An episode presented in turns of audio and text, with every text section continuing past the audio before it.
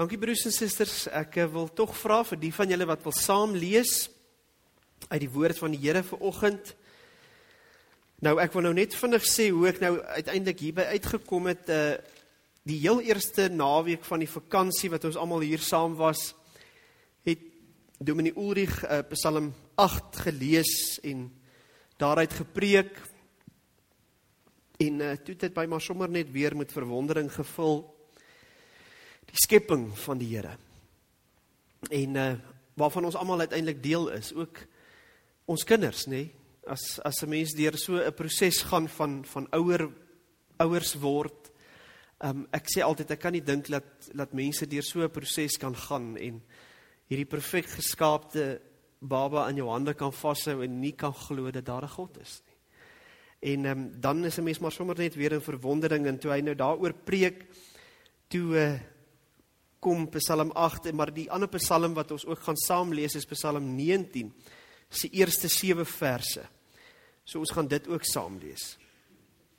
Nou daar's daar's natuurlik 'n klomp skepingspsalms waarvan Psalm 104 waar ek vanoggend die foto gedoen het ook een is.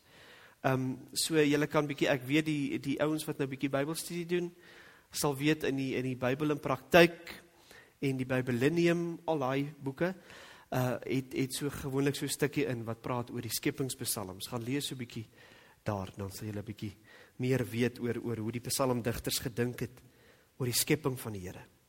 Maar dis ons skriflesing vir oggend, Psalm 8 en dan Psalm 19 vers 1 tot 7. Kom ons lees daarvan af vers 1. Vir die koorleier met musiek. So dis 'n lied wat Dawid uiteindelik geskryf het, nê?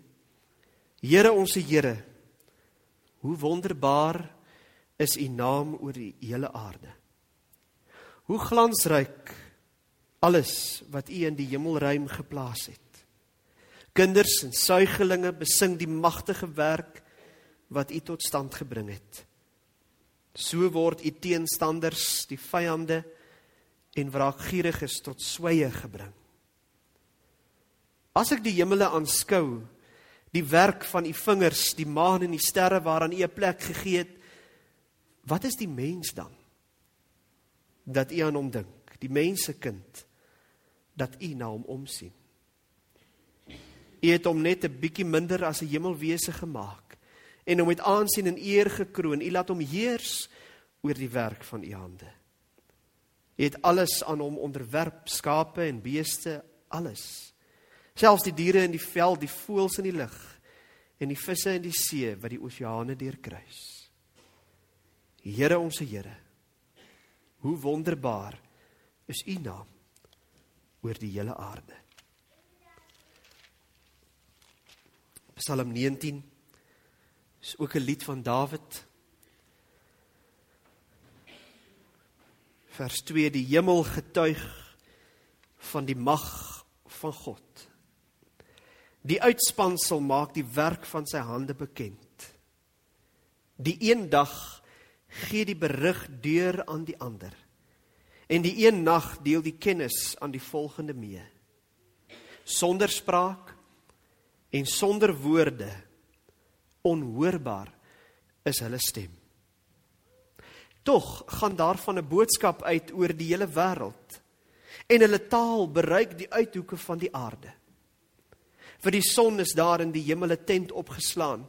As hy stralend begin om sy baan te volg, is hy soos 'n bruidegom wat uit sy slaapkamer kom. Aan die een kant van die hemel kom hy op en aan die ander kant gaan hy onder en niks ontkom aan sy gloed nie. Tot sover toe ons skriflesing.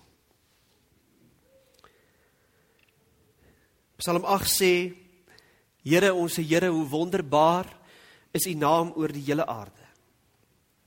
Psalm 19 sê dat hierdie skepping van die Here, die hemelruim is soos 'n boodskap wat oor die hele aarde uitgaan. Die taal van hierdie hierdie boodskap van hierdie lied wat gesing word deur die skepping bereik die uithoeke van die wêreld. Almal weet daarvan.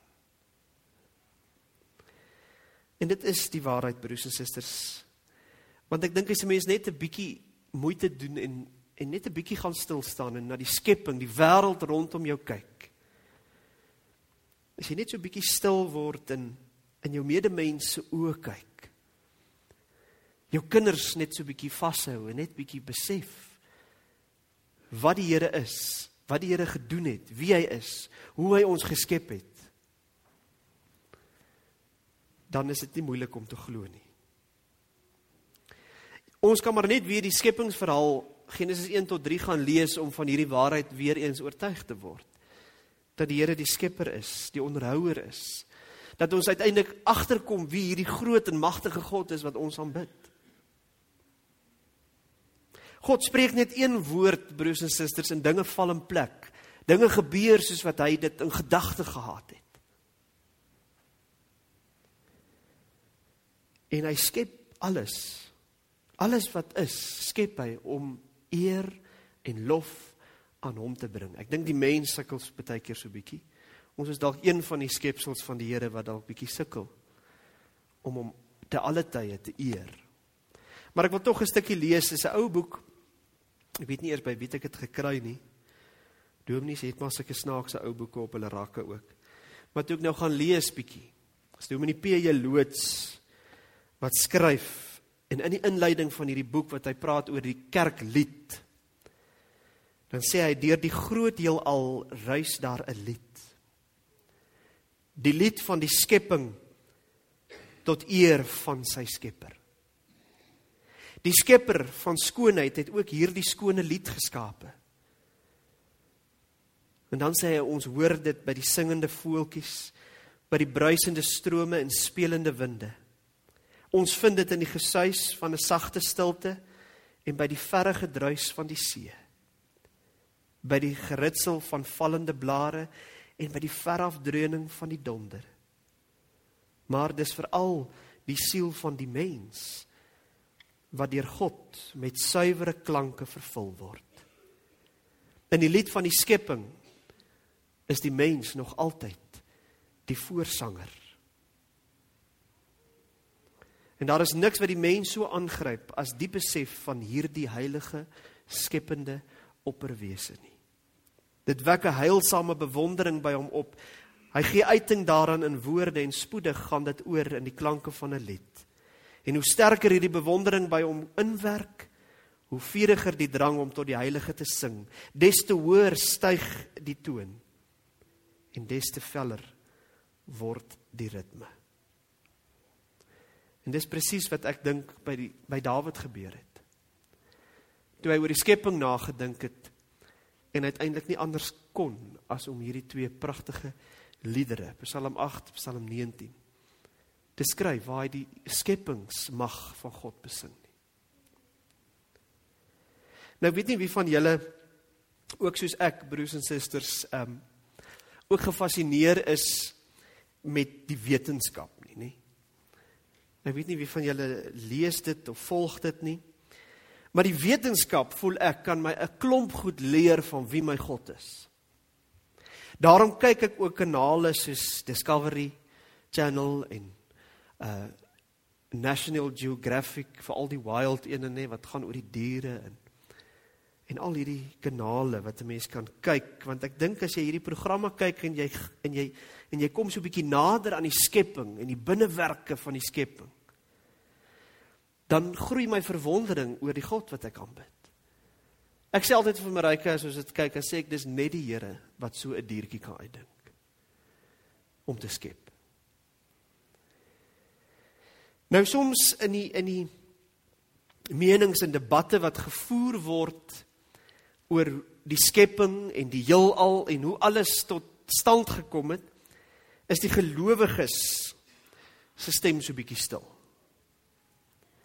Want in die eerste plek dink ek ek ek dink nie ons ons hoor so lekker wat gesê word nie. Ons ons vat nie regtig dit wat die wetenskap vir ons leer nie. Juis omdat dit baie keer so um in stryd is met dit wat ons in die woord van God lees.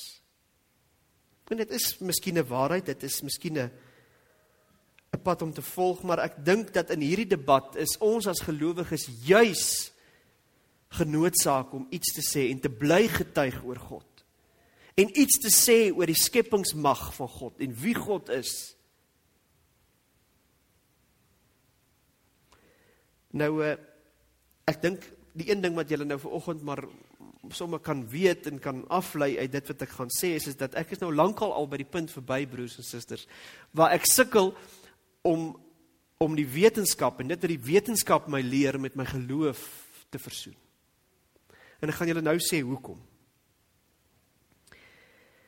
Ehm um, maar maar dit is heel waarskynlik te danke aan die geleentheid wat ek as student gehad het op op universiteit in die jaar 2009. Was daar 'n universiteitskonferensie tussen die fakulteit teologie, die departemente van plant en dierkunde en dan ook die uh die fisie uh fisika departemente as ook die astroloë nê van Boyden Sterrewag in Bloemfontein. Nou 2009 was 'n besondere jaar. Die rede hoekom hulle dit gedoen het is dit was die sogenaamde Darwin jaar. En in hierdie jaar is die sogenaamde evolusieteorie van Charles Darwin uh weer gevier. Die teorie is toe 100 jaar oud in 2009. Maar nog steeds kon die kerk en die wetenskap, die geloof en wetenskap nog nie mooi by mekaar uitkom nie, né? Ons almal ken die evolusie teorie en dis juist daar waar gelowiges begin sukkel om die wetenskap regtig te aanvaar. Maar hierdie ouens het bymekaar gekom en hulle het hierdie geloof wetenskap konferensie gehou by Boyden Sterrewag in Bloemfontein en dit was 'n fantastiese 3 dae. En dis by hierdie geleentheid waar my oë van verwondering oor die skepping vir die eerste keer werklik oopgegaan het. Dis daar waar ek besef het watter bydra die wetenskap uiteindelik tot my verstaan van wie God is kan bring. Dit dit verbreek net uiteindelik my begrip van wie die Skepper God is. En ek dink as jy die wetenskap vanuit so 'n positiewe hoekpunt benader, dan mag dit dalk net vir jou tot seën wees. Nou die skepping en hoe alles in mekaar steek en hoe alles so haarfyn en perfek funksioneer, broers en susters. Dis natuurlik iets wat die mens van die vroegste tye af en die slimste van die slimste mense onder ons tot vandag toe nog laat kopkrap. En heeltyd is almal van hulle so op jou hond se stert om nou te verklaar oor hoe die heelal in bestaan gekom het. Maar daar's altyd hierdie hierdie leë plek, hierdie oop spasie wat verhoed dat die teorieë en die somme wat hulle maak nie klop nie. Nou net vinnig wil ek nou sê uh Albert Einstein was een van die ouens wat gesê het that which I cannot declare that is God. So Einstein was 'n gelowige en hy het besef dat sy menslike vermoëns tot op 'n punt gaan en dan kan hy nie verder verklaar nie. Dan vul enig enigste ding wat daai leeplek invul is is God. Maar die somme het so bietjie verder begin klop so 6 jaar terug. In 2012. Nou weet nie wie soos ek nou sê julle moet belangstel in die goeders om nou dit te onthou en daarvan kennis te dra. Maar ek weet nie wie van julle die koerante gevolg het in die opsig nie, maar in 2012 ehm um, het omtrent al die koerante ewe skielik een oggend berig oor hierdie God deeltjie, nê? Nee? The God particle wat hulle nou gekry het. En hulle het nou gesê dit is nou ontdek en dit is nou die antwoord. Dis die missing link op al ons vrae. Nou die uh die artikels het nou almal hierdie opskrifte gehad. Die God deeltjie met 'n vraagteken, God en die God deeltjie vraagteken. En dan God deeltjie het talle mislei. En die partikel se naam is die Boson-Higgs particle, missing link in the puzzle of the universe, né? Nee? And does the God particle explain the universe? En dan praat hulle nou so 'n bietjie. Was interessante artikels. Nou kom ek verduidelik nou net so 'n bietjie vir julle. Fisici was op daai stadium 99,99999% seker dat hulle nou die missing link hierdie oop spasie kon vul en gesê die God particle. Nou omdat Einstein heel waarskynlik gesê het dit wat ek nie kan verklaar nie, dis God. Toe noem hulle nou so al vermakerig, ek weet nie of dit vermakerig was nie. Noem hulle nou hierdie Boson-Higgs particle wat hulle gekry het, noem hulle hom the God particle, die God deeltjie nê. En hy verklaar natuurlik alles hoe alles in mekaar steek. Nou ek weet nie as jy wetenskaplik is hier in die in die gemeente vanoggend. Wat jy goed verstaan, fisiek fisika onderwysers of so, ek weet nie. Goed. Nou ek verstaan nie lekker hoe dit werk nie, maar daar was twee afsonderlike eksperimente en ek hoop julle vind dit so interessant soos ek. Ek raak soos 'n kind oor die goed. Daar's afsonderlike eksperimente gedoen in Genève, Switserland en in Melbourne, Australië. En wat hulle gebruik het is een of ander masjien die hadron versneller. En dan wek hy nou 'n klomp krag in bane en goed op. En toe bewys hulle nou daardeur deur hierdie eksperiment dat die Boson-Higgs partikel die deeltjie in die heelal is wat massa gee aan ander deeltjies.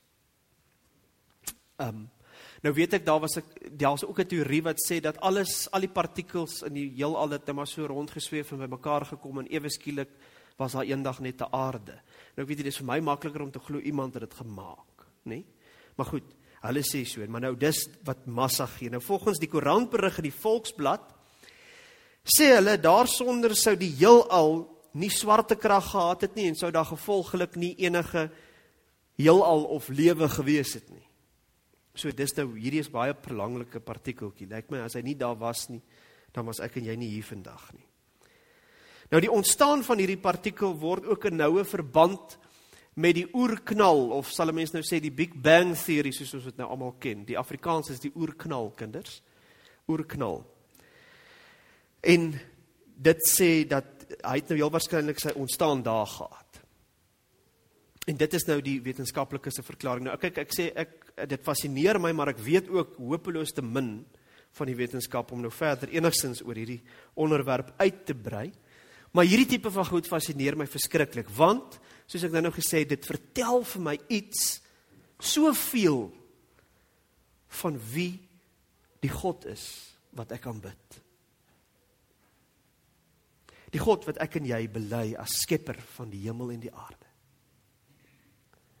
Die ontstellende ding broers en susters is egter dat baie gelowiges wanneer hulle hierdie goed lees, hulle self heeltemal distansieer en nie die feite wil sien nie, niks wil weet nie omdat hulle dikwels dit is so, daar's baie goed wat met die Bybel ook bots.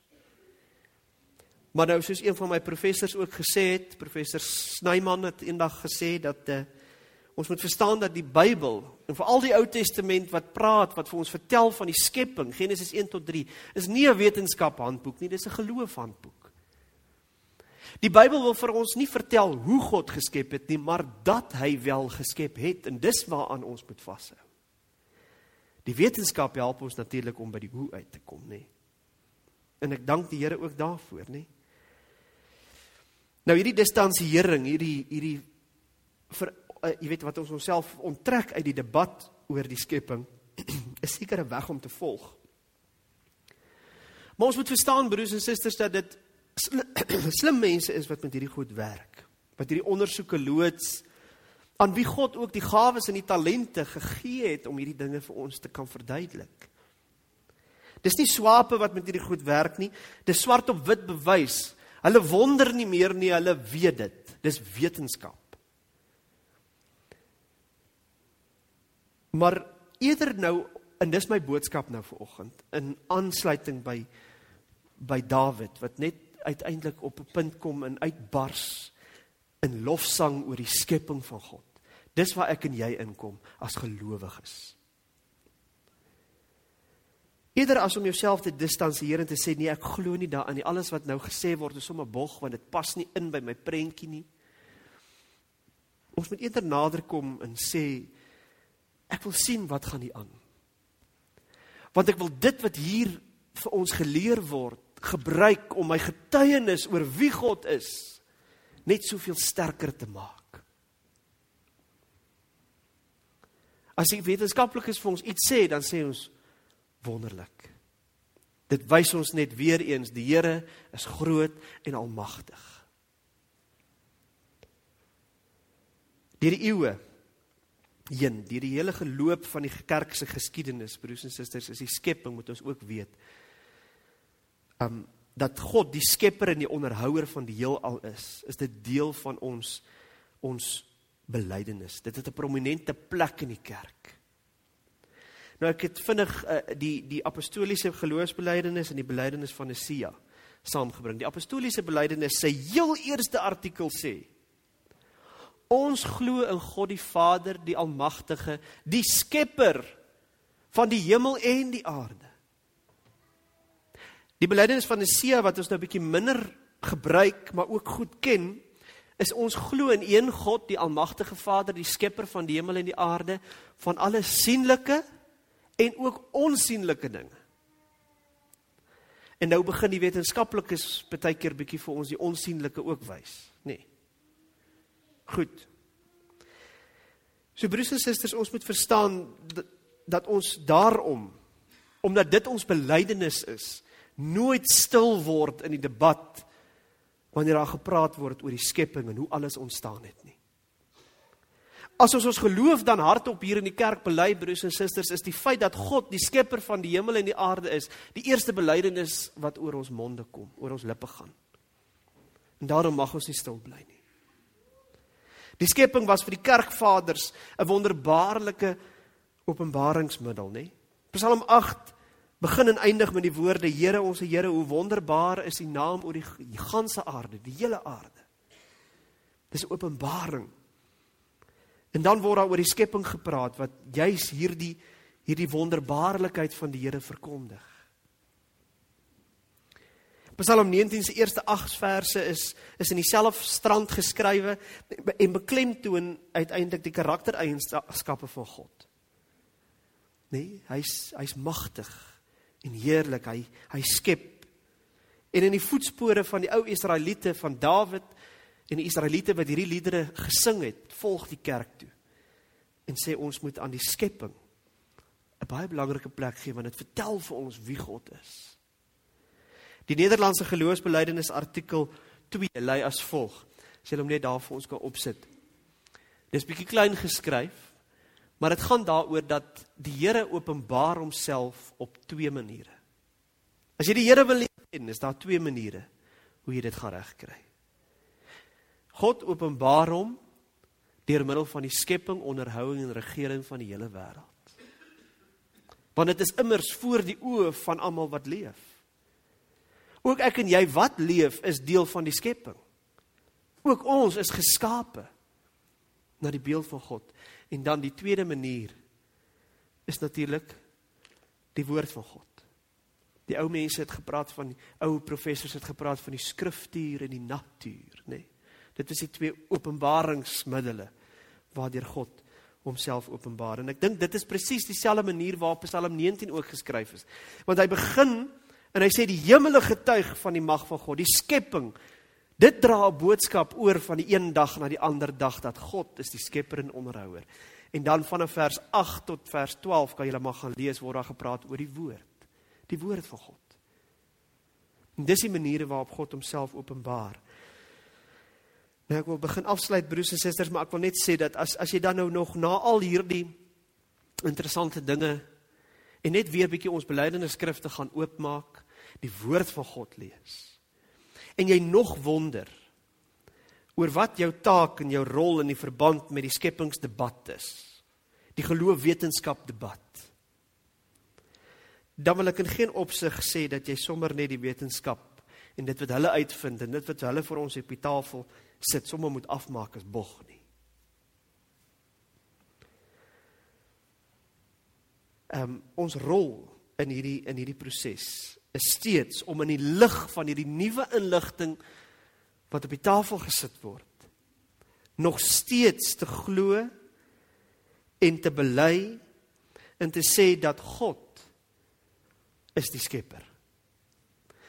Al is dit dan nou deur middel van 'n oerknal want ek het eendag iemand gehoor sê hy dink dat as God skep as God sy mond oopmaak om die om om om die son en die maan en die sterre in bestaan te roep dat dit nogal 'n oerknal kan afgee. Nê? Nee? So al is dit dan deur 'n oerknal. En al is dit dan nou deur hierdie haarfyn klein partikel wat hulle noem die Boson-Higgs partikel, die God particle, die God deeltjie. Al is dit dan nou deur hierdie goed. Dit verbreek op die ou ende net my begrip en my verstaan van wie God is en hoe groot hy is. En daarom sal ons uiteindelik nie kan stil bly nie. Want dit alles kom net uiteindelik weer by die punt uit dat kyk hoe groot is my God. Ons moet vir mense kan kan wys deur hoe ons getuig om hierdie ontdekkings en bevindinge te vat en ons eie te maak en te sê dit dra net by tot wie ek glo hierdie dinge gemaak het. Ek glo dit dra by tot my godsbegrip. Nou net vinnig om af te sluit toe hulle op 'n keer vir professor ehm um, Stefan Joubert gevra het uh, of gesê het dat hulle gaan nou die heel nuutste en grootste teleskoop nog in gebruik neem om nou 'n bietjie verder in die heelal in te kyk en agter die kap van die byl te kom en ook op 'n punt te kom waar hulle nou weet waar al die sterre gebore word en al hierdie tipe van goeters. Toe sê hy wonderlik. Ek kan nie wag dat hulle hierdie dinge gebruik neem nie want dan dan gaan ek net nog meer leer oor die grootheid van my God. En dit broers en susters is 'n getuienis. En my gebed is is dat elkeen van ons se getuienis so sal klink. So met ander woorde in die in die lig van dit wat soveel mense sê. En kyk ek moet myself nou net ook korrigeer. Ek ek gaan nou iets sê maar ek veralgemeen nie, nê? Ek het ek het die een keer die fout gemaak. Toe sê ek baie van die wetenskaplikes is is ateëste, nê? Nee, hulle is hulle glo nie in 'n God nie. Maar ek sê baie van die wetenskaplikes, want mens kry ook baie gelowige kinders van die Here wat ook die wetenskap beoefen, nê? Maar baie van hulle laat God heeltemal buite rekening. So in hierdie debat is dit my en jou plig om soos professor Stefan Joubert te getuig en te sê, nee maar mooi. Laat ons daai laat ons daai teleskoop in gebruik neem dat ons kan sien wat God gemaak het. Wie hy is. So in die lig van die twee psalms in die lig van die wetenskap mag ook ek en jy elke keer as ons na die skepping kyk, as ons stil word en ek besef dat die wind nou deur my hare waai en ek word stil en ek word net op daai oomblik bewus van die skepping rondom my, moet jy moet jy stil word en luister. Want ek glo ook dan is God besig om met jou te praat. En mag ons dan uitbars in lofsang en 'n lied skryf soos Dawid. Wat sê die hemele getuig van die mag van God. Die hele aarde is vol van u majesteit. U glansrykheid. Amen. Kom ons bid saam.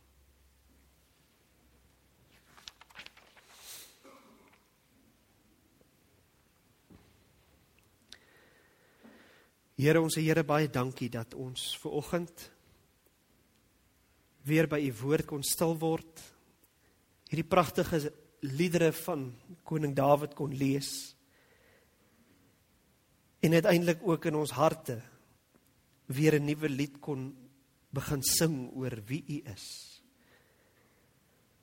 Dankie Here dat u die skepper en die onderhouer is.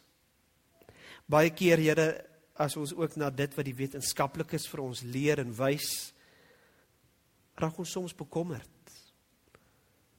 Ons sien 'n reuse klomp natuurrampe en ons lees van aardverwarming en en al hierdie dinge en dan raak ons bekommerd, Here, en ons wonder waar sal dit als eindig? Maar dan lees ons ook hierdie psalms, hierdie liedere ons hoor ook weer u belofte wat u aan aan Noag gemaak het.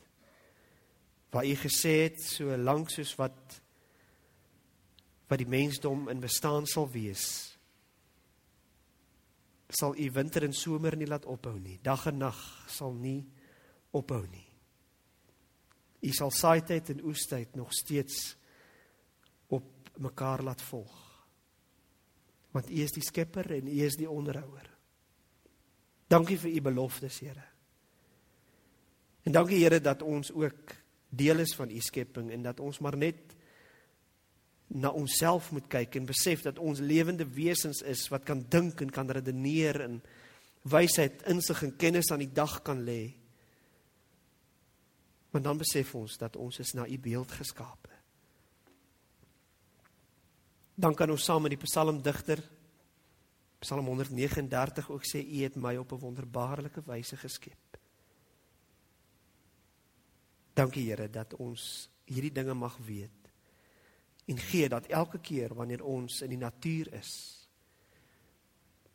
wanneer ons met U skepping te doen het plant, dier en mens dat ons sal besef Here dat U 'n God is van wonders wat groot dinge gedoen het En gee Here dat ons getuienis oor U as skepper en onderhouer van die heelal nooit ooit sal stil word nie. In Jesus naam alleen bid ons dit, vra ons dit. Amen.